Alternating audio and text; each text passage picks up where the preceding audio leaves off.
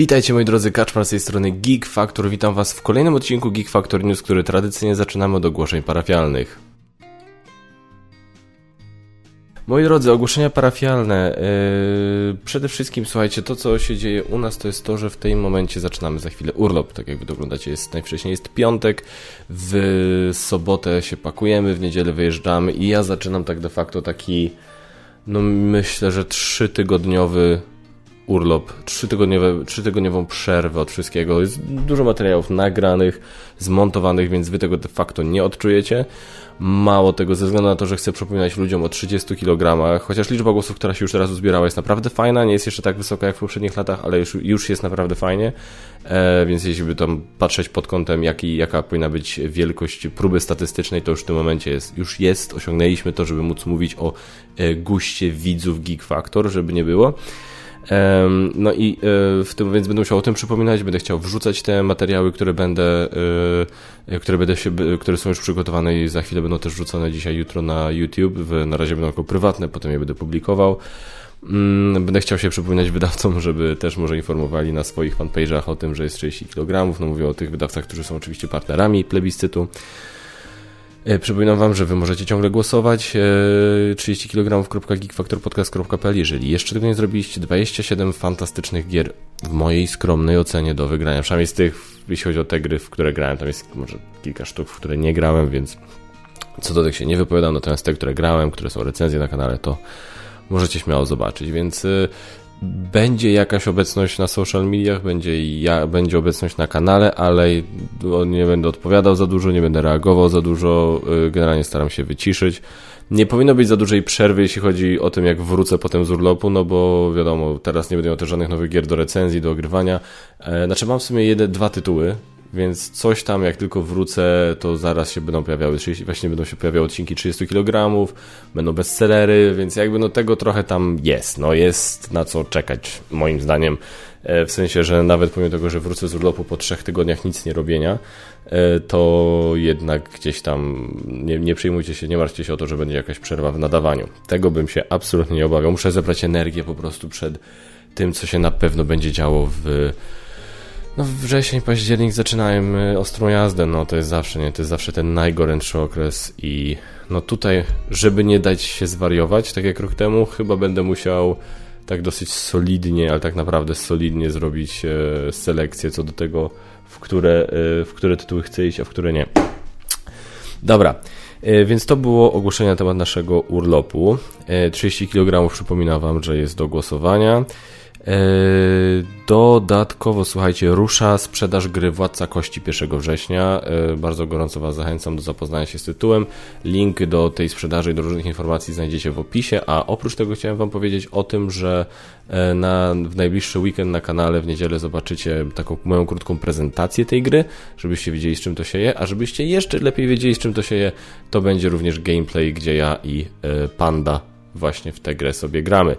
E, generalnie zupełnie serio, ja wiem, że to tam tref mnie, że, że tak powiem, zatrudnił właśnie do tego, żebym nakręcił te materiały, ale muszę wam zupełnie serio powiedzieć, że e, uważam, że na takie wprowadzenie rodzinne do dungeon crawlerów, to uważam, że Władca Kości jest naprawdę spoko tytułem. To nie jest ciężar, to nie jest nigdzie to nie leżało blisko, nie leżało obok, wiecie, Descenta czy Sword and Sorcery, jeśli chodzi o dungeon crawlery, ale jeśli chodzi o taki ciężar rodzinny, żeby sobie z rodziną, z rodziną pobuszować po lochach, absolutnie Władcę Kości bym polecił, zupełnie serio to mówię.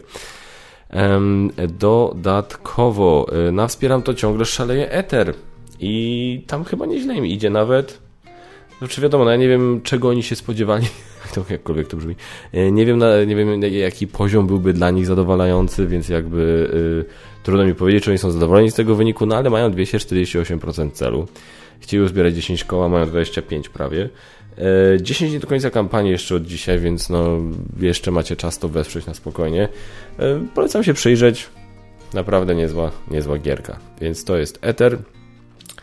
Kolejna rzecz, co przyszło do recenzji? Wyspy Tukana. I żeby było ciekawiej, e, Wyspy Tukana przyszły w ten weekend, znaczy w tym tygodniu do mnie do recenzji, a recenzja już jest nagrana i zmontowana i będzie w przyszłym tygodniu na kanale. Wyspy Tukana po prostu ten, Panda już miał od dawna i bardzo chwalił i bardzo ten, więc Panda jest ze mną na recenzji.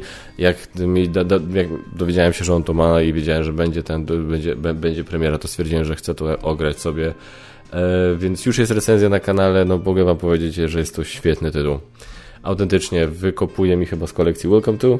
Tak, to mówię w recenzji, taki macie spoiler teraz do tego, co będę mówił w recenzji. Generalnie e, Wyspy Tukana i kartografowie to są w tym momencie jedyne roll and które, czy tam flip and jak zwał, e, które chcę mieć w kolekcji, no. Nie, żadnego innego nie potrzebuję, bo nie jestem jakoś bardzo zakochany w tym gatunku, więc e, flip and write'ów, roll and write'ów i tak dalej, więc aczkolwiek no też przyjdzie za jakiś czas Twilight Inscription do mnie, no ale to jest trochę inny ciężar, podejrzewam, więc tutaj e, mówię o takich lżejszych tytułach. Wyspy Tukana naprawdę bardzo, bardzo gorąco polecam. Czy coś jeszcze, jeśli chodzi o z, e, ogłoszenia? Tyle. Przechodzimy, słuchajcie, do tematu odcinka. Temat odcinka miał być nieco inny. E, chciałem mówić o sytuacji, na którą zwrócił mi uwagę jeden z widzów w pytaniach pod poprzednim Geek Factor News mianowicie związanym z grą roku. Niestety y, nie jestem w stanie Wam, y, na te, nie, nie mogę z tego zrobić tematu odcinka dzisiaj.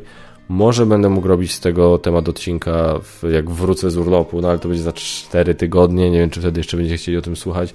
Ale w QA, jak dojdę do pytania Grzegorza, który właśnie mnie pytał o tym, co sądzę na temat tej całej akcji z planszową grą roku i z portalem, to, to tam też odpowiem, dlaczego nie mówię o tym szerzej, bo, chcia, bo mówię, to jest moim zdaniem absolutnie dobry materiał na temat odcinka, ale no, nie jestem w stanie tego zrobić i w sekcji Q&A wytłumaczę czemu. Natomiast e, co chcę dla Wam przedstawić i tutaj pomysł mi podsunął Panda, E, bardzo się cieszę, bardzo Ci Panda dziękuję, bo uważam, że jest to kapitalny pomysł. Ze względu na to, że jest to taki, jest to okrągły odcinek, ale nic takiego, nie jest to wyjątkowa liczba, 160, ale fakt, że opuszczam Was na 3 tygodnie, będziecie mieli 3 tygodnie przynajmniej bez, 3 e, tygodnie, dobrze mówię? E, bez Geek Factor News, to chciałem zostawić Was z czymś takim fajnym, pozytywnym, i może nawet trochę powspominać, cofnąć się do początku w ogóle samego Geek Factor. I w sensie właśnie tak, tak dlatego ten pomysł Pandy mi się spodobał, bo mogę właśnie tak to zrobić, tak to to ładnie ubrać dla Was ten temat odcinka. Tematem odcinka, jak widzicie w tytule, jest top 10 gier wydanych w roku, w którym Geek Factor ruszył. A Geek Factor ruszył, uwaga, w 2014 roku. Coś czuję, że gdybym nazwał temat y, odcinek top 10 gier z 2014 roku, nie wiem, czy on by zebrał aż. Nie wiem, czy by zebrał więcej wyświetleń, czy by zebrał mniej wyświetleń, natomiast chciałem właśnie tak zahaczyć, że to jest ten rok, w którym Geek Factor wystartował. I wiadomo, no wtedy nie miałem jeszcze aż tyle gier ogranych, żeby móc robić takie rzetelne top 10. No ale spojrzałem sobie teraz na listę gier, które były w 2014 roku wydane i naprawdę, no znalazłem 10 tytułów, które moim zdaniem są naprawdę fajne, godne polecenia, aczkolwiek uwaga, żeby nie było, bo to, to już było jakiś czas temu, więc ja sugerowałem się datą premiery e, wskazaną na stronie premiery z nadplanszy.pl. Ja zawsze jak robię topki roku, tak, top gier z danego roku, staram się robić tak, żeby to był top gier wydanych w danym roku po polsku, tak, to jest taki ważny tutaj element. Więc zakładam, że no ja znam chłopaków, którzy to ogarniali wtedy, ogarniają, więc jakby no nie wyobrażam sobie, żeby tam były jakieś błędy, ale może coś, nie wiem, może mi się wydaje, może to było zaklasyfikowane jako 2014, ale nie wiem, było opóźnienie i pojawiło się w styczniu 2015, nie wiem, albo nie wiem, było już gdzieś tam dostarczane w grudniu 2013 z kolei. Nie wiem tego, bo no, nie mam, tak, nie, nie jestem w stanie, nie mam, w stanie tego, nie, ma, nie mam tego jak sprawdzić. Natomiast według tego serwisu to są gry z 2014 roku, czyli z roku, w którym wystartował Geek Factor i w tamtym roku wyszło bardzo dużo dobrych gier, ale te 10 absolutnie zapadły mi, yy, że tak powiem, yy, wsiąknęły w moje serducho i są w kolekcji. No nie wszystkie z tych 10 są w mojej kolekcji ciągle, ale Słuchajcie, 10 gier i tak. Raz, dwa, trzy, cztery.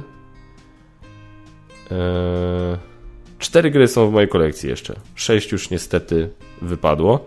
Ale y, ciągle uważam, że są dobre gry, tylko na przykład nie miałem z kim w nie grać. Najczęściej to jest to. A nie, nie, pięć. Jeszcze jedna jest chyba u nas ciągle w domu, chociaż już teraz może nie być potrzebna, tak. Ale generalnie e, pięć gier. Słuchajcie, lecimy. Na miejscu dziesiątym. Boże Igrzysko Magnaci od Phalanxa. Ja wiem, że nie, to, to może nie jest gra, która zachwyca wszystkich, bo to jest trochę, trochę taka gra w wojnę z planszą, ale te, naprawdę ciekawy temat. coś tam można zawsze wykorzystać to jako pretekst do nauki. E, plus dla mnie ta gra ma taki dodatkowy sentyment, bo była to jedna z pierwszych gier, które dostałem od wydawnictwa do recenzji. To było, Phalanx był jednym z pierwszych wydawnictw, które y, zobaczyło mnie i stwierdziło, a zainwestujmy w tego gościa. Pomimo tego, że byłem totalnie maluczkim kanałem, totalnie tak po całości, to jednak mimo wszystko Phalanxi stwierdzili, a tutaj chłopak ma potencjał, dajmy mu coś.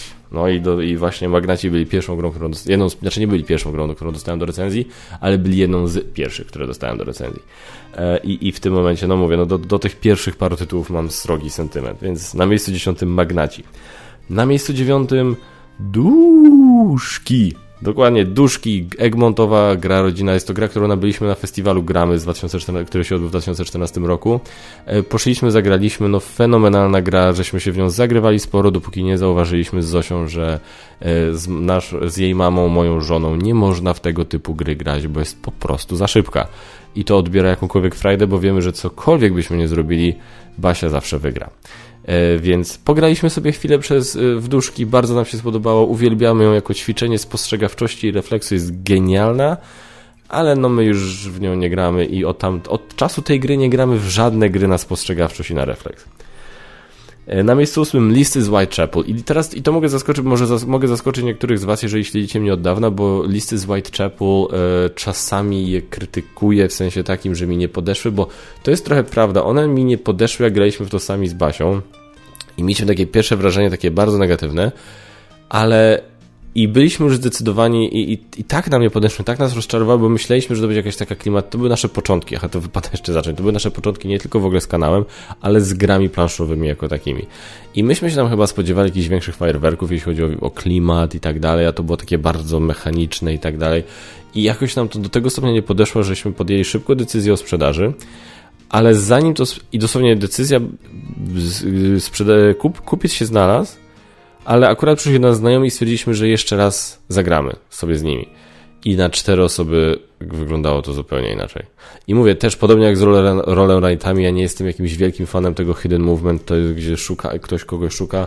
To jest, nie jest to może mój ulubiony gatunek gier, ale jest ale no listy z Whitechapel uważam, że jeżeli wy lubicie tego typu gry, są świetnym tytułem. I co prawda ja ciągle uważam, że Narcos jest najlepszym tytułem z tego gatunku, ale listy z Whitechapel też dają radę, pomimo tego, że mówię, koniec końców się pozbyliśmy, nie złapało nas tak za serducho bardzo, ale ja myślę, że to jest jedna z tych gier, gdzie czasami sobie do niej wracam myślami i myślę, kurde, może warto byłoby dać jej szansę tak jeszcze, jeszcze raz, na zasadzie wręcz po prostu ją gdzieś nabyć, żeby mieć w kolekcji.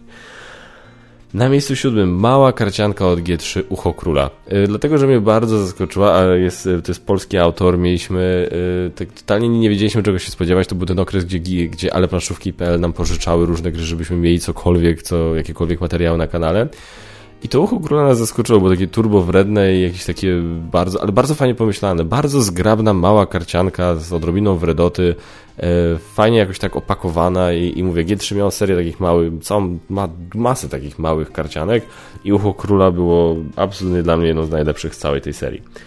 Na miejscu szóstym niewiele większa karcianka i jedna z takiej słynnej serii dwuosobowych gier karcianych od wydawnictwa Portal. E, waleczne piksele super tytuł. Go odkryłem później, chyba go odkryłem rok później jakiś, ale świetnie się bawiłem. Go odkryłem razem z Walczne Pixele 2. Doskonały tytuł, w małej grze, w małym pudełku, tyle mużdżenia, bo wystawiamy te karty i teraz w zależności od tego, gdzie karta jest, to robi to, u przeciwnika, gdzie jego karta jest, to dzieje się tamto, no, masa kombinowania takiego pojedynku, w takim właśnie zgrabnym, dwuosobowym pojedynku, małe karcia, wiesz, de facto proste zasady, ale tyle mużdżenia tam jest w tym pudle, w pudełeczku de facto, że ja wymiękłem i absolutnie Waleczne Piksele są świetnym, świetnym tytułem takim pojedynkowym. Ja chyba nie mam, chyba jak żeśmy, jak Magot odchodził z Geek Factor, to chyba Waleczne Piksele były jednym z tych tytułów, które on ze sobą zabrał, więc u nas w kolekcji już nie ma, ale w serduchu ciągle. Na miejscu piątym Summoner Wars, Summoner Wars Master Set. I to odkryłem, ja nawet nie wiem, czy Summoner Wars nie było, jakieś Summoner Warsy nie były przed 2014, ale w 2014 był Master Set, podobno, i ja się będę tego trzymał, bo Master Set był moją pierwszą, e, to był mój pierwszy kontakt z tą grą i uważam Summoner Wars za doskonały system, fajnie pomyślany, e, z takich dwuosobowych karcianek magicznych to w sumie nie wiem, czy nie podobają mi się bardziej niż Mage Wars, Ashes. No naprawdę Summonersi są, są świetnym, świetnym tytułem. Musiałbym sobie tak przypomnieć te niektóre, to w ogóle zrobić sobie jakiś taki wieczór, że na przykład, żeby zagrać z kimś takie właśnie Summoner Wars, Ashes, Mage Wars, co jeszcze można by wrzucić? No, Magica w sumie nigdy nie grałem, ale ten, można by coś tam jeszcze dorzucić takiego, nie żeby sobie właśnie żebym sobie przetestował i zobaczył, jakbym sobie te gry ułożył w hierarchii teraz. Waleczne piksele też teoretycznie można podciągnąć pod ten gatunek gier, bo to jest też karciana gra o magii i rzucaniu czarów i nie wiadomo co tam jeszcze. Więc świetny, świetny tytuł w dużym zestawie, dużym pudle, sporo gry, yy, tam dużo armii, czy jak się nazywało. Yy, bardzo gorąco. Wiem, że teraz jest nowa edycja, absolutnie, jeżeli lubicie takie dwuosobowe pojedynki, właśnie jakichś magów i tak dalej, absolutnie polecam spróbować Summoner Wars. Na miejscu czwartym, i teraz już wszystkie te cztery gry mam ciągle w kolekcji, na miejscu czwartym Bitwa Pięciu Armii. Bitwa Pięciu Armii jest y, gigantyczną grą, ale nie aż tak dużą z tego co słyszałem, jak jej protoplasta, czyli y, Wojna o Pierścień. Y, Wojna o Pierścień jest na mojej liście gier takich, które bardzo bym chciał kiedyś zagrać, prędzej czy później. E, nie udało mi się jeszcze, natomiast Bitwę Pięciu Armii zagrałem i Łocież pierdziuno, tak cholernie klimatyczna gra, zwłaszcza pod kątem, zwłaszcza, że w nią zagrałem tuż po tym, jak zobaczyłem Hobbita. E, naprawdę uff, uwielbiam tę grę, uwielbiam Bitwę Pięciu Armii. Nie grywam w nią prawie w ogóle, ale nie mam zamiaru się jej pozbywać z kolekcji, bo to jest zbyt dobry tytuł moim zdaniem. Jeżeli lubicie dwuosobowe, duże tytuły, duże gry, takie epickie, typu właśnie Rebelia, Wojna o Pierścień. Uważam, że Bitwę Pięciu Armii absolutnie powinniście spróbować. Na miejscu trzecim Splendor. I mówię serio, ja lubię Splendor. To, mówię, to były moje początki z planszówkami i Splendor uważam był, był świetną grą. Z całą masą osób w tę grę grałem. Z całą masą. To jest niesamowite. I to, ile ta gra osób wciągnęła do hobby i dla ilu osób ta gra była pierwszym kontaktem z nowoczesnymi grami planszowymi i już w tym świecie zostały. No to jest, ja wiem, że można sobie psioczyć na Splendor, tak? Że Splendor, my, ten Splendor, cały Splendor. Cares? To jest najlepszy, to jest, to jest świetny tytuł. To jest jedna z najlepszych gier gatewayowych. Masa ludzi tę, tę grę szanuje, masa ludzi tę grę ciągle w kolekcji mam. Ja go ciągle w kolekcji mam. Co prawda tę wersję Marvel, ale ciągle go mam i nie planuję się pozbywać, bo to jest po prostu to. To jest jeden z tych klasyków, który ja uważam, że wypada mieć. Ja rozumiem, że on się może nie podobać każdemu, absolutnie. To jest jasne, tak jak z każdą grą, tak? Nie każdemu się spodoba ale nie rozumiem jakiegoś takiego hejtowania tego po prostu splendoru, jakby to był co najmniej, nie wiem, monopoly czy talizman, tak? W sensie on zbiera podobną ilość, bo nie, nie mówię, że monopoly czy talizman zasługują na hejt, ale chodzi mi o to, że zauważyłem, że podobną ilość to zbiera i jak ktoś wspomni o splendorze, to e, ten splendor. Tak, Splendor to jest dobry tytuł. Dobra gra, żeby wprowadzić, żeby pokazać, żeby na spokojnie, bo to można wytłumaczyć każdemu. Ładnie wykonana, dobrze się bawimy, szybka. Absolutnie nie widzę nic złego w Splendorze. Ale jednak były dwie gry lepsze tam w tamtym roku wydane. Właśnie na jedną się patrzę właśnie. Abyss. Abyss Bruno Catali.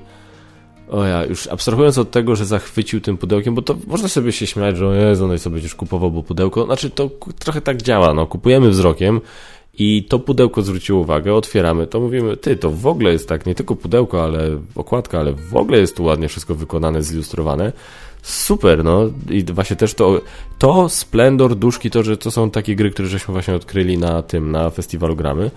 Ja tak patrzę, ty, w ogóle, no, to ładnie wygląda, usieliśmy do tego, ty, i w to się zarąbiście gra. Naprawdę. Abyss jest doskonałym tytułem. E, chyba mój ulubiony tytuł Bruno Catali.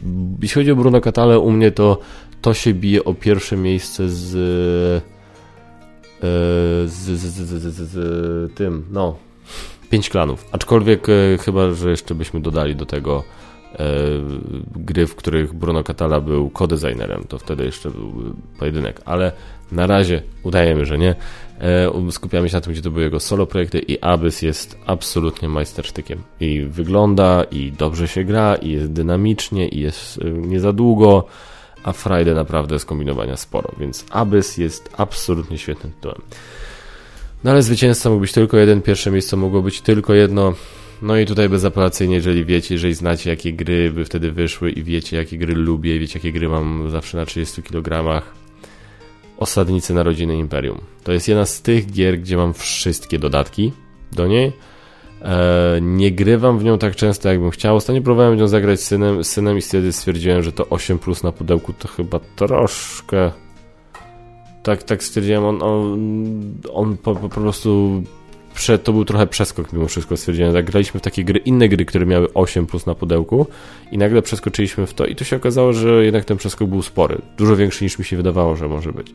Bo ta gra jest prosta, no jest naprawdę prosta, ale nie jest to moim zdaniem wcale najprostszy tytuł. To nie jest moim zdaniem gateway, to, to jednak tam trochę tego jest do ogarnięcia, do, do spamiętania, co kiedy robimy. Więc nie wiem, nie wiem, czy ja się zgodzę z tym 8 plus na pudełku, wręcz mówię wprost, nie zgodzę się z tym 8 plus na pudełku. Nie zmienia to faktu, że to jest ciągle jedna z najlepszych gier na świecie, jeśli chodzi o gry, na, o gry karciane na dwie osoby fantastyczne. I teraz ja rozumiem, że ktoś może woleć na przykład, nie wiem, Królestwa Północy, ktoś może woleć, nie wiem, 51 stan Master Set, absolutnie to szanuję. E, I, I u mnie to się na przykład zmienia, w zależności od tego, w co ostatnio grałem, albo do czego wyszedł dodatek, albo jaki Ultimate Collection sparłem, to to się u mnie zmienia trochę, na zasadzie, którą z tych gier lubię, ale każda z nich mi daje ten sam taki, takie poczucie fajnego kombinowania, budowania, tych, y, budowania tego swojego takiego mini imperium z, z kart. Pięknie zilustrowana, naprawdę osadnicy narodziny imperium to jest kawał solidnej gry i nie, mam Big Boxa i ja mówię wszystkie dodatki i ja nie, nie wydaje mi się, żebym ja kiedykolwiek miał się tej gry pozbyć. Więc to były top 10 gier wydanych w Polsce w 2014 roku, czyli w roku, w którym wystartował Geek Factor.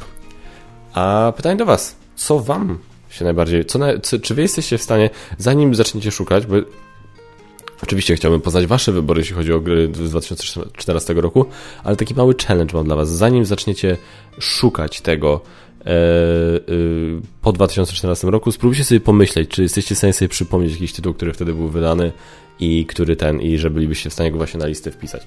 Ja tak sobie z pamięci z 2014, to ja chyba sobie chyba tylko Osadników i Splendor pamiętałem. Więc no łatwo nie było. Dobra, słuchajcie, lecimy z newsami filmowo-telewizyjnymi. E, newsy filmowo-telewizyjne, dzisiaj nie powinno to zająć jakoś super długo, bo tych newsów też za dużo nie ma. E, dzisiaj mam e, po, po pierwsze Vince Gilligan, absolutny mistrz świata, Breaking Bad, Better Call Saul, fantastyczny pisarz, razem z Taylorem Sheridanem są takimi no, najbardziej rozchwytywanymi i pożądanymi teraz twórcami i scenarzystami, jeśli chodzi o Hollywood, jeśli chodzi o seriale i o telewizję. E, no jak wiecie, Breaking Bad, Better Call Saul się kończy. Dla mnie to jest po prostu... Ach, autentycznie ogarnia mnie smutek na myśl, że, miał, że za tydzień, bo od, dzisiaj pewnie tak jakoś za tydzień obejrzę ten zupełnie ostatni odcinek Better Call Saul i, i, i to mnie mega smuci i, i aż tak jakkolwiek nie jestem fanem takiego podejścia, żeby wydoić tą krowę po prostu do sucha, E, I, i, generalnie nie jestem fanem, żeby robić, wiecie, spin-off, spin-offu, potem jeszcze spin-off, potem sequel, potem prequel i tak dalej.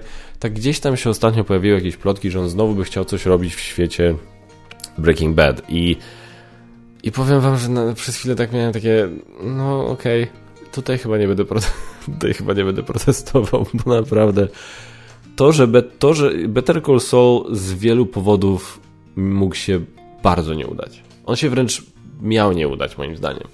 Naprawdę, Saul Goodman był dla mnie typową postacią, która działa tylko i wyłącznie wtedy, jeżeli jest na drugim planie. Wtedy można się pośmiać, wtedy można po prostu właśnie, ma się ten taki smaczek, jest kolorowo, jest wesoło i, i, i, i to jest spoko. I zrobienie z niego głównego bohatera było dla mnie zabiegiem co najmniej dziwnym. Wtedy też Gilligan mówił, że tak jak Breaking Bad dla niego było dramatem z elementami komedii, tak on by chciał, żeby Better Call Saul było komedią z elementami dramatu. Um, moim zdaniem koniec końców chyba zmienił gdzieś tam koncepcję i po prostu z Breaking, z Better Call Saul zrobił bardzo podobny dramat do tego, co, jak to wyglądało w Breaking Bad. Ale wiecie, fakt, że w ogóle, mówię, spin-off się udał i że zrobili serial, który jest przez naprawdę niemałą liczbę osób uważany za lepszy serial od Breaking Bad, Kurde, no. No, ja, ja, ja, mi, mi jest trudno powiedzieć, czy on jest lepszy od Breaking Bad. Ja bardzo chcę. Basia coś tam mówi, że ona będzie chciała w końcu to obejrzeć i że będzie chciała też obejrzeć Breaking Bad, bo jeszcze nie widziała. Więc ja bym sobie z nią chyba spróbował zrobić maraton. I jakby oglądać z nią tyle, ile wlezie z tego. I wtedy sobie pewnie powiem ostatecznie, czy to jest lepsze, czy to nie. Która z niektórych z nich jest lepsza, ale na, bo na razie trudno jest mi powiedzieć. Oba seriale są świetne. W każdym razie planuję nad jakimś, pracuję więc nad jakimś nowym serialem, nie osadzonym w świecie Breaking Bad. Mało tego, on jest, ten serial jest opisany jakoś tak tajemniczo na zasadzie, że e, to jest serial w naszym świecie, ale trochę innym. I, I, to jest wszystko na razie, co wiem o tym serialu. Yy, produkuje go Sony, no i tam teraz jest ostra batalia, gdzie go będą emitować. A że to jest Vince Gilligan, ja podejrzewam, że po prostu każda platforma streamingowa, każda stacja telewizyjna po prostu rzuca w niego pieniędzmi, żeby tylko do nich przyszli, coś dla nich zrobił. To jest dla mnie 150%, że to w tej chwili mniej więcej tak wygląda w Hollywood. Druga wiadomość, Rings of Power, Amazon. E, nie mam zamiaru robić e, o tym 50 filmików i 50 newsów, tak jak co niektórzy youtuberzy, bo, e, bo uważają, że serial Amazona Rings of Power jest strasznym policzkiem dla twórczości Tolkiena, ale trzepanie 50 filmów na temat tego serialu, żeby wydoić po prostu wyświetlenia, to już jest spoko wobec Tolkiena, nie? To jest... Nieważne. E, natomiast faktycznie jest, no to jest taki serial, na który dużo osób czeka i jakby jest już jest tyle martwiących sygnałów.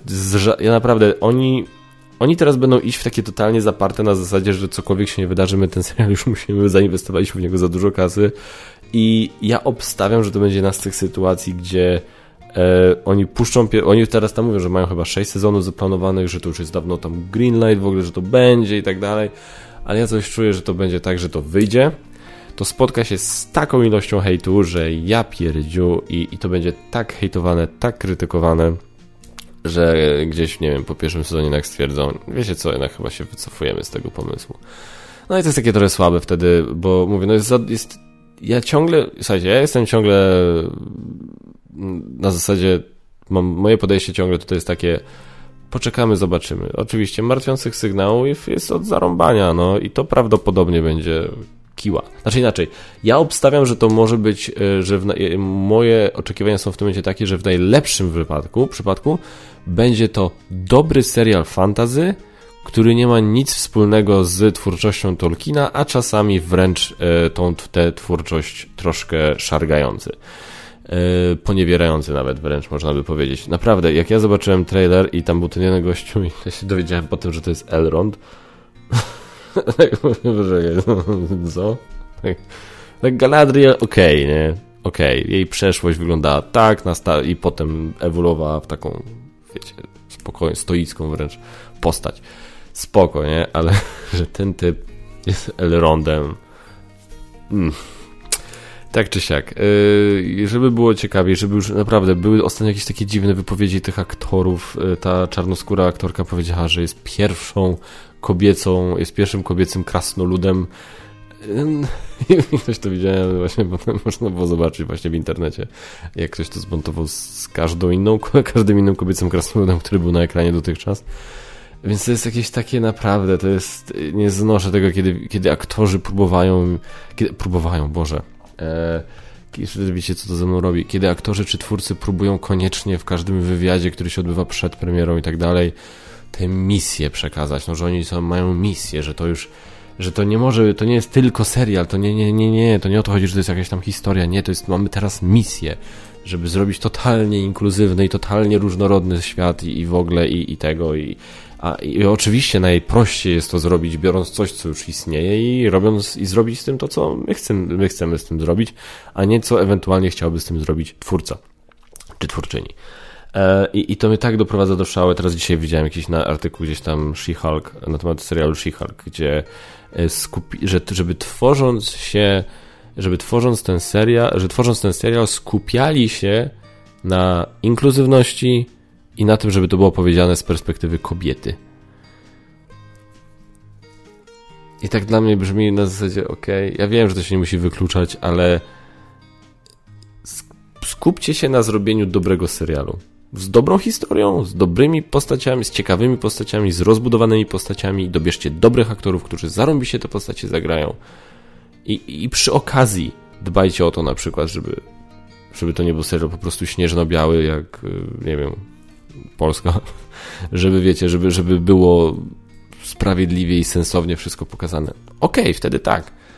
Ale jeżeli ktoś mi mówi, że na tym się skupia, to to jest dla mnie taka trochę czerwona flaga, że okej, okay, to fajnie, że to robicie, naprawdę, bawcie się dobrze, ale coś czuję, ale no już, już po prostu było kilka takich seriali, gdzie właśnie, czy filmów, gdzie widać było, że się tak obnosili z tym i potem była, wiadomo, jakaś kiszka. Znowu kurde zacząłem, wszedłem w jakiś taki rent na temat tego, bo zaczynałem to już serio wkurzać wszystko, ale tutaj taki właśnie, żeby kolejna oliwa do... Mm, Kolejna porcja, porcja oliwy do ognia dolanej została teraz, kiedy Peter Jackson powiedział, że rozmawiał z twórcami serialu, żeby skonsultować i żeby.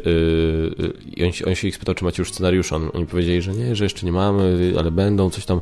On mówi, no to spoko, to podeślijcie mi jak napiszecie. Nie, on mówi, pewnie, pewnie, pewnie. I olali go kompletnie, nic się do niego nie odzywali, w ogóle zero. I on powiedział, no słuchajcie, no nie, że się obrażam, no normalna sprawa, tak to jest w tym biznesie, trzymam za nich kciuki, nie będę oceniał przed zanim zobaczę, naprawdę trzymam za nich kciuki, mam nadzieję, że się wszystko uda, pozdrawiam, mm, powodzenia i tak dalej. Amazon zareagował na to hasłem, że dziękujemy Peter, ale no właśnie, że prawnie, y, z prawnego punktu widzenia oni po prostu muszą się odciąć jak najbardziej od filmów i zrobić coś oryginalnego. Nie wiem, czemu prawnie to trzeba tak zrobić, nie wiem, co to w ogóle oznacza. Nie wiem, czemu nie musieliby się praw, z prawnego punktu widzenia odcinać od filmów.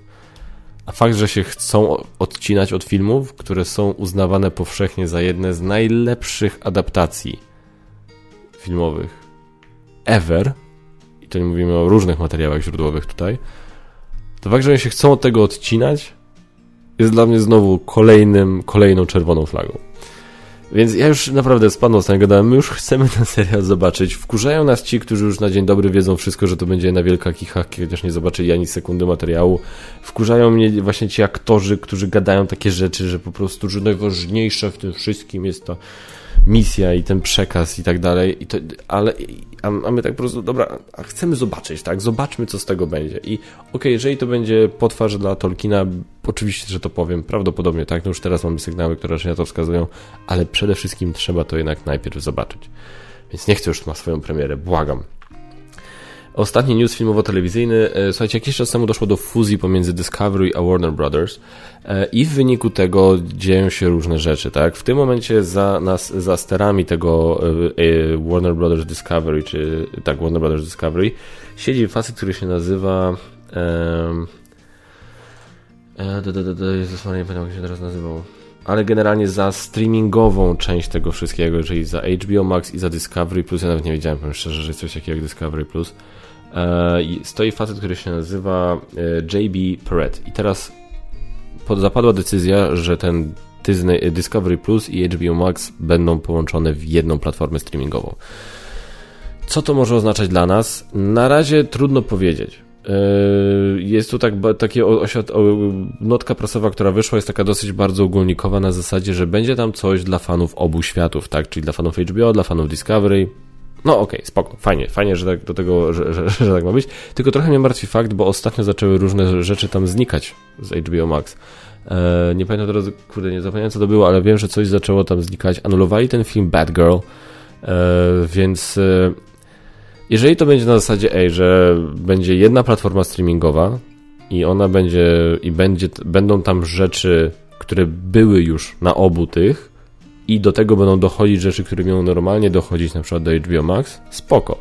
I podejrzewam, że to w dużej części tak będzie. Na pewno jeśli chodzi o nowe rzeczy, wiecie, no już okej, okay, nad, prace nad niektórymi rzeczami zostały troszkę chyba spauzowane, ale z tego co wiemy, prace nad e, na przykład drugim sezonem, sezonem Peacemakera ciągle trwają i jakby nic tam nie wygląda, żeby tam się miało coś wydarzyć.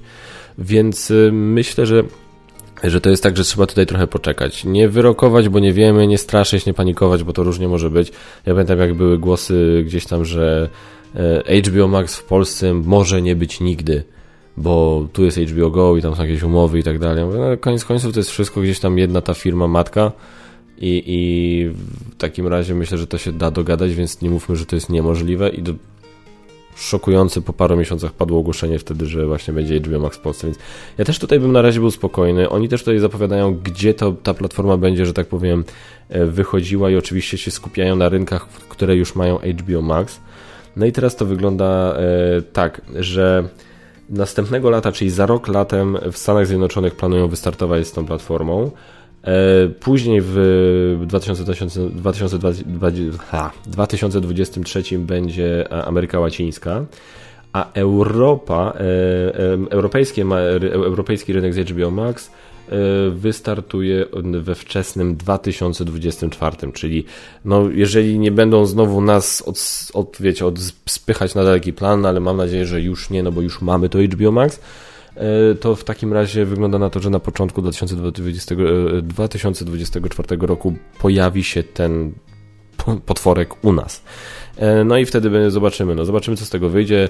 E, no trzeba po prostu śledzić, no i, i patrzeć na to, co, co tam się będzie pojawiało, co, co zniknie, co nie będzie dostępne, co będzie dostępne, no bo myślę, że jakieś zmiany będą, tak? No bo jak zauważyliście, pewnie HBO Max ma nie tylko produkcję HBO, nie tylko produkcję Warner Brothers, ale też inne. No więc podejrzewam, tutaj mogą być jakieś takie nie do końca jasne sytuacje. Ja mam nadzieję, że Discovery, bo ja mówię, już dawno oglądałem Discovery, bo jak w, którymś momencie zobaczyłem, że na Discovery jest od, cała masa jakichś dziwnych reality shows zamiast programów przyrodniczych, co mnie trochę zmartwiło i zamiast dokumentów, więc mam nadzieję, że po prostu Discovery Plus ma sporą ofertę, ciekawą ofertę, jeśli chodzi o filmy przyrodnicze, o dokumenty, bo chciałbym na przykład tak troszkę moją młodzież tutaj e, no, ej, obejrzyjmy sobie coś razem na tym, na streamingu, nie? I zobaczę, czy by to przetrwali. E, ale e, no zobaczymy. Początek 2024 roku, wtedy się dowiemy więcej. Dobrze, moi drodzy, to było na tyle, jeśli chodzi o film, o newsy filmowo-telewizyjne. Przechodzimy do Q&A. Q&A, moi drodzy, czyli miejsce, gdzie my możemy sobie porozmawiać. Wy zadajecie pytania w komentarzach, ja nawet odpowiadam w kolejnym odcinku. Od razu mówię, dzisiaj nie zadajcie, możecie zadać w sumie, nic wam nie, nie bronię przecież, ale no wiedzcie, że no, przez najbliższe 3 tygodnie nie będzie Geek Factor News, więc... Yy Niestety, ale jakieś pytania padły tydzień temu, więc mam nadzieję, mam nadzieję na nie dobrze odpowiedzieć. I uwaga, zacznę od, od pytania, które, o którym już wspomniałem na początku. Grzegorz Więcek, planszowa gra roku i nieobecność portalu, brak zgłoszenia swoich gier. Czy znasz jakieś powody, które skłoniły portal do niewzięcia udziału w tegorocznej edycji? A jeśli nie wiesz, to jak ją oceniasz? No i właśnie chciałem o tym zrobić cały temat odcinka, bo uważam e, temat generalnie za bardzo, bardzo ciekawy. E, I chciałem do tego podejść zupełnie serio, na zasadzie yy, zadzwonić do portalu, dowiedzieć się dlaczego, bo oni tam chyba za bardzo tego nie powiedzieli. Yy, mało tego, wszedłem na stronę planszowa gra roku i spisałem sobie listę wydawnictw, które wygrały w poprzednich latach od początku istnienia tej nagrody i z kilkoma wydawnictwami już rozmawiałem ich, i się pytałem ich konkretnie, czy ich zdaniem planszowa gra roku pozytywnie wpływa na sprzedaż tak? Czy to ma ręce i nogi? Bo takie były plotki na temat, dlaczego e, portal się nie zdecydował nie brać udziału. I trzecia rzecz, to bym chciałem zadzwonić do Rebe, Rebela, no, zadzwoniłem właśnie już do Rebela i do Ale Planszówek, e, czy oni planowy, planowali, mieli kiedyś, wiecie, działy na stronie głównej na przykład pokazane planszowa gra roku. No i teraz tak, e, z paroma wydawnictwami rozmawiałem, no i generalnie się ciekawy obraz malował te, namalował tego, jak wydawnictwa podchodzą do planszowej gry roku ale y, głównym powodem, dla którego ja teraz nie mogę jednak tego tematu podjąć, jest to, że od portalu dostałem e, hasło, że nie mogą mi dać żadnego komentarza ani e, e, powodu, dla którego zdecydowali się nie brać tam udziału, bo jutro, z punktu widzenia, jak ja to nagrywam, czyli w piątek 12 sierpnia, na ich live oni będą o tym mówić. No i nie chcieli po prostu, pomimo tego, że ten odcinek będzie emitowany najwcześniej po ich live, to mimo wszystko nie chcieli, żeby ktokolwiek coś wiedział, zanim oni to powiedzą oficjalnie na, na antenie. No a ja niestety nie mogę czekać z nagraniem tego odcinka do po ich live, więc niestety no, no mus, musiałem ten temat odpuścić, tak? A nie wyobrażałem sobie nagrywać ten temat, powiedzieć co ja sądzę tak, wiecie, szczegółowo, co mi wydawnictwa inne powiedziały, a od portalu powiedzieć, o portalu nic nie wiem, ale oglądajcie ich, bo już jest live który możecie sobie obejrzeć, oni to tłumaczą. Wydawało mi się to po prostu dziwne. Jeżeli za 4 tygodnie będziecie ciągle ciekawi tego tematu yy, i co mi te inne wydawnictwa powiedziały, absolutnie to podejmę, bo parę ciekawych haseł padło na temat planszowej gry roku jako takiej. I to nie do końca takich e, pozytywnych, więc na przykład jeżeli myślicie, że to jest takie... Nie, nie dobra, nieważne. Nie chcę gadać za dużo, bo potem będzie, że powiedział coś, a nie powiedział więcej. Więc mówię, niestety, yy, dlatego też odpowiadając na drugą część twojego pytania, jak te decyzje oceniam? Nie oceniam jej, bo nie wiem, co, co było jej powodem. Proste, no. Jest to, jest to dziwne, tak? No jest, to, jest to jedno z największych wydawnictw w Polsce. Y, wiadomo, że gra planszowa, gra roku to nie jest ta ranga co Spiel des Jahres, no ale umówmy się, nigdy nie miała być. Spiel des Jahres jest rozpoznawana międzynarodowo, y, a planszowa gra roku miała być od początku i zawsze miała być polską nagrodą. I nie wiem, można mieć tam jakieś zarzuty do tego, jak to działa, można mieć jakieś opinie na temat kapituły, na temat członków kapituły. Oczywiście, że tak, no może no, opinia może być na jakikolwiek temat. No ale umówmy się, nie mamy innej nagrody, tak?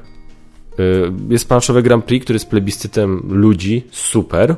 Jest 30 kg, który jest też plebiscytem ludzi.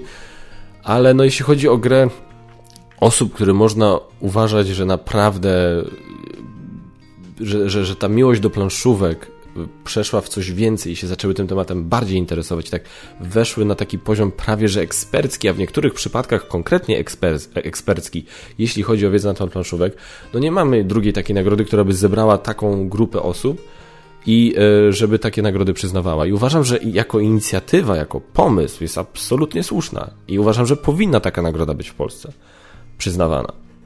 I, i, i mówię, tam można mieć, tam różne rzeczy mogłyby działać pewnie lepiej.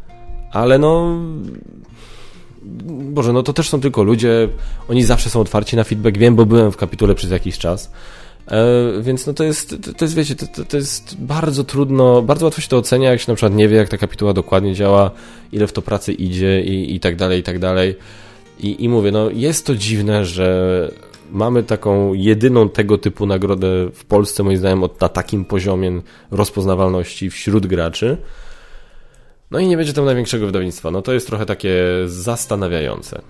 No ale, no mówię, tak jak wy to już oglądacie, to już jest po live, więc możecie obejrzeć, zobaczyć, co powiedział portal. Ja sam to na pewno z, chęcią sobie odsłucham, co portal tam yy, powiedział na temat tej planszowej gry roku.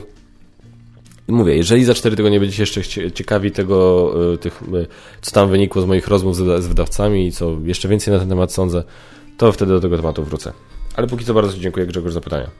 Yy, uwaga, yy, tester drink. Jeżeli, nasuwa mi się pytanie, jeżeli patronat medialny traktujesz jako reklamę dla kanału recenzenta, czy da się to jakoś odczuć wpływ z tej reklamy? W sensie, czy widać wzrost widzów po wydaniu gry, nad którą objąłeś patronat medialny?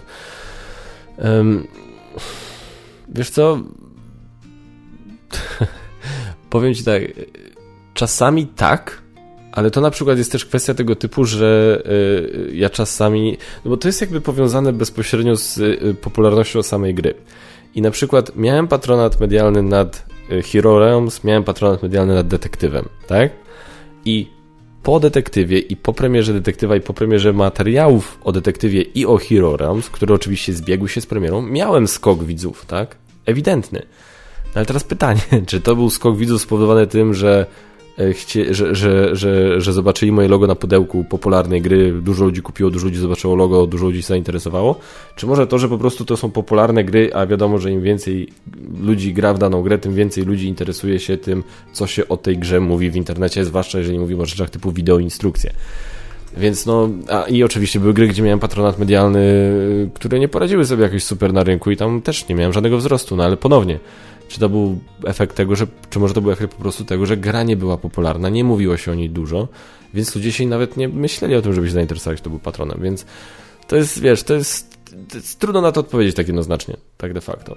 I moim zdaniem to jest niemożliwe wręcz do zmierzenia, na ile to jest efekt tego, że ktoś zobaczył logo na pudełku i się zainteresował kanałem, a ile to jest po prostu, wiecie, równolegle.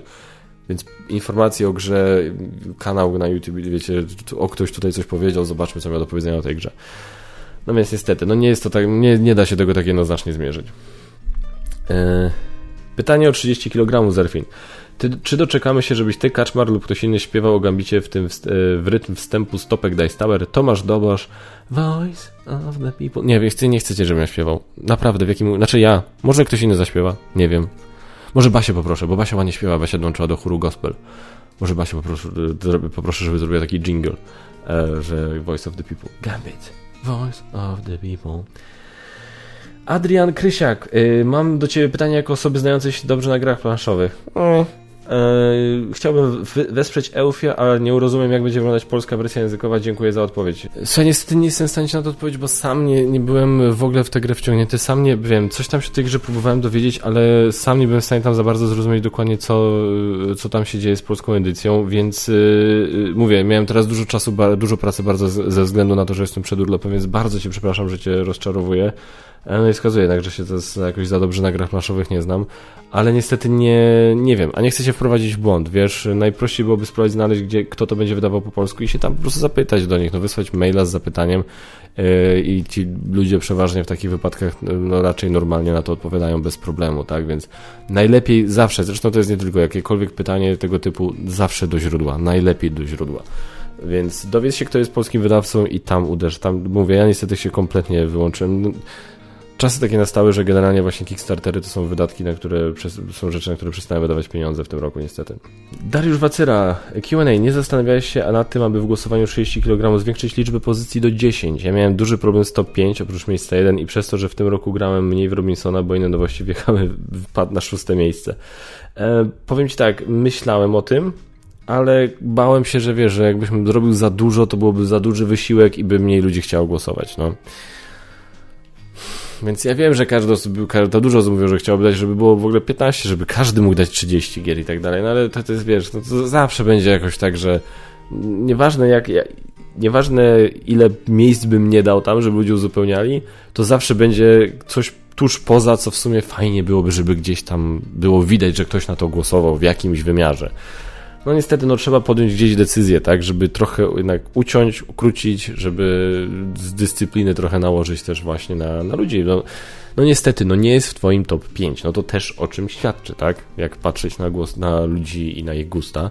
No jeżeli coś jest tuż poza ich top 5, no to ja mówię, no to jest, wiesz, to jest, to nie ma dobrego wyjścia tak naprawdę, no bo tak, no byłoby to bardziej wymierne może w jakiś sposób, gdyby tego, tych miejsc było więcej, ale wtedy by mniej osób głosowało, więc na ile wymierne by to było, kumasz, na tej zasadzie to jest takie masło maślane. Eee... Hej, zamierzam z żoną zacząć przygodę z grami z serii detektywa. Żona jest całkiem nowa na e, Escape Roomy. Mam pytanie, od czego najlepiej zacząć grać w te trzy gry? E, mam kupionego detektywa, wiedeński łącznik, a myślę też o Batmanie Wszyscy kłamią. Która będzie najłatwiejsza i w najlepszy sposób wprowadzi nowego gracza? Batman. Uważam, Batman ma przystępny temat, laptop mi zaczął szumić. E, Batman ma przystępny temat i jest naprawdę prosty. I wtedy, ja bym, pomimo tego, że detektyw był pierwszy, a czy wiesz, żeby nie było, uważam, że nawet z detektywem sobie poradzicie. Trudność w detektywie po, i w tych grach polega na tym, jak zawiłe są te sprawy. Więc to nie, jest, nie ma nic wspólnego z tym, jak dobrze gracie w jakieś gry planszowe. To nie chodzi o to, to nie jest ten poziom trudności. Poziom trudności polega na tym, na ile jesteście w stanie być detektywa, detektywami i wczuć się i kombinować i łączyć ze sobą pewne fakty i dochodzić do pewnych wniosków razem. Tutaj jest ta trudność, więc jeżeli z żoną jesteście dobrzy w tym, jesteście naprawdę turbo inteligentni i turbo po prostu tu, tu, tu, łączycie kropki po prostu z prędkością światła, to nawet od, zacznijcie od detektywa, no. Ale jeżeli zależy wam na tym, żeby te historie były nieco skromniejsze, żeby tak właśnie nie przegrzać się na start, e, to bym zaczął Batman, Wiedeński Łącznik i na koniec Główny Detektyw. Dziękuję Ci bardzo za pytanie. Eee... O, jest dużo pytań dzisiaj. 511987a Q&A. Czy jesteś w stanie polecić jakieś sklepy albo Panda, albo Gambit, albo Radek do kupowania gier wydawanych po angielsku? Mogą to być używki sprzedawane na platformach typu Elix. E, większość polskich internetowych ma jakieś tytuły, ale wyszukiwanie tam tytułów to jakiś horror. I na niewielkiej ilości jest pogrupowanie po języka Amazony czy eBay, czasami coś się da kupić, ale może jest coś mniejszego uwagi. E, jedyne co się mogę w tym momencie do tego, co ty napisałeś dodać, to iShop. E, I, I tam po prostu wpisujesz dokładnie tytuł gry, o której ci chodzi. Ona ci pokazuje, gdzie to jest jeszcze dostępne. No niestety, no z tymi oryginalnymi tytułami to jest u nas trochę lipa, no w sensie z angielskimi y, tytułami, no to, to jest trochę lipa. Ja zauważyłem, że bardzo ostro w to idą, planszo strefa w to idzie, trzy trole też mają dużo tego typu, y, dużo tego takich tytułów, no ale ogólnie to nie jest łatwy kawał chleba, żeby znaleźć, e, nie jest to łatwe zadanie, żeby znaleźć właśnie angielskie tytuły. Więc ja na przykład, poza to, co ty tu podałeś, a już podałeś dużo, więc widać, że zgłębiłeś ten temat trochę, zanim zadałeś pytanie, ja bym do tego ewentualnie dodał jeszcze iShop, ale coś mówisz o iShopie też wiesz, skoro wiesz o tych innych rzeczach tutaj. E, więc no, obawiam się, że ci nie pomogłem. Niestety, przepraszam. E, Colin Dodo, pytanie. Nadal kupujesz filmy Blu-ray? Ostatnio rzadziej. Ale tak, niedawno sobie kupiłem Ligę Sprawiedliwości Zaka Snydera. E, teraz będę nabywał ten Spidermana No Way Home. Trochę tak, ale mniej, oczywiście dużo mniej. Przy tej ilości materiałów dostępnych na platformach streamingowych u mnie płyty ostatnio leżą i się kurzą. Tak, to jest prawda. No, nawet wszystko, co, bym, co mam ochotę sobie czasami obejrzeć, tak nie wiem, wrócić się do czegoś. Chociaż nie, nie, ostatnio sobie obejrzałem tego, a nie, no właśnie nie na Blu-rayu, tylko chciałem powiedzieć Aquamana, ale Aquamana obejrzałem na HBO Max, nie na Blu-rayu. Więc mam no dokładnie to samo co ty, ale mimo wszystko chcę dalej kupować, bo mimo wszystko jestem kolekcjonerem i lubię jak to wygląda na półkach. I chcę mieć więcej, chciałbym mieć kuźwa cały regał moich ulubionych filmów Blu-rayów. E, oglądam produkcję Marvela niestety bez znajomości komiksów, to tak samo jak ja. Nie wiem na ile jesteś ekspertem, nie jestem, ale może potrafisz odpowiedzieć, czy fabuła zazwyczaj jest na nich luźno oparta, czy nie, faktycznie niektóre historie przenoszone są na ekran niemal jeden do jeden. Z, yy, z tych filmów, które ja widziałem, na, opartych na komiksach, które ja znałem, żaden nie był przeniesiony jeden do jeden. A najwięcej czytałem za, za dzieciaka yy, Spidermana, Supermana i Batmana, troszkę X-Menów. I wszystkie, wszelkie filmy, które, które były powstały o, o, na tych, o tych postaciach, tam były, żadna z nich nie była tworzeniem jeden do jeden. To jest jeden z głównych zarzutów często gęsto do y, filmów. Dużo ludzi o tym ostatnim Batmanie mówiło, że okej, okay, fajnie, że on się oparł na Long Halloween, ale nie mogli po prostu zrobić adaptacji Long Halloween?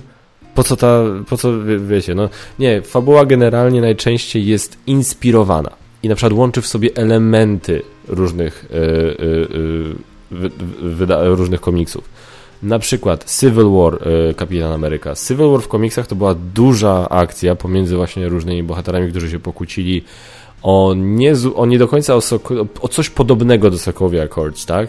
I, i, I na przykład i w komiksie Civil War ja go nie czytałem, co prawda, ale czytałem jego streszczenie i czytałem o tym. Bardzo ważnym momentem w Civil War, bo generalnie w Civil War w komiksie chodziło o to, że chcieli bohaterów rejestrować żeby potem coś się wydarzyło i żeby bohaterów rejestrować, żeby wszyscy wiedzieli, kto jest kim. Także e, Iron Man to jest Tony Stark, e, ten to jest tamten, to da, da, da, da. I teraz yy, i byli tacy, którzy się temu sprzeciwiali, no między innymi właśnie Kapitan Ameryka i to był Kapitan Ameryka kontra, kontra Iron Man, to, jest, to, to był właśnie ten konflikt. Więc to jest trochę coś podobnego do Sokovia Accords. I teraz on, yy, i teraz w komiksie, bardzo ważnym momentem w tym komiksie był Spider-Man, który stanął na podium i powiedział popieram ten pomysł, a żeby pokazać, że go popieram, jestem Peter Parker. Więc to był bardzo ważny moment w tym komiksie, dlatego jak się mówi o tym komiksie, to bardzo ważną postacią z tego komiksu jest Spider-Man. Dlatego, jak oni zrobili Civil War, to oni wprowadzili tam Spidermana, ale zobacz, w zupełnie innym wydaniu, w zupełnie innej wersji, on zupełnie inną rzecz tam, w ogóle nie, nie przyznał się, że jest Peterem Parkerem, zupełnie co innego robił w tym filmie.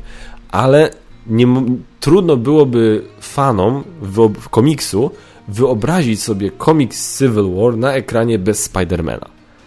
I to jest właśnie moim zdaniem to, co Marvel robi, robił przynajmniej genialnie, bo oni dawali nam nowe historie, zupełnie nowe historie czasami, ale dawali na tyle, tyle smaczków, tyle ukłonów w stronę materiału źródłowego, że ci, co byli fanami materiału źródłowego, byli ciągle zajarani, bo dostawali masę rzeczy, które znali.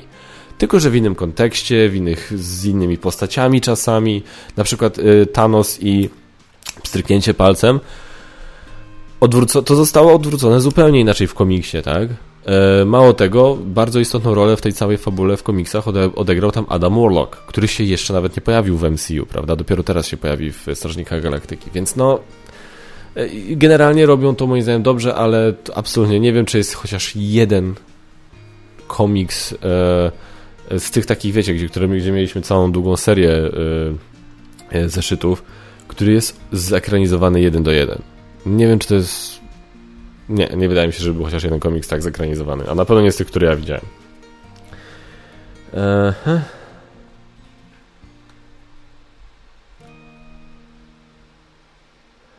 I to było ostatnie pytanie. Bardzo Wam dziękuję. Za... Nie mogę tego zamknąć, bo to się nagrywa. Nie chcę, żeby mi się wyłączyło nagrywanie. 57 minut. Uważam, że godny ostatni odcinek przed długą przerwą. Bardzo Wam dziękuję. Serio. Serio, jesteście super. Uwielbiam Was za to.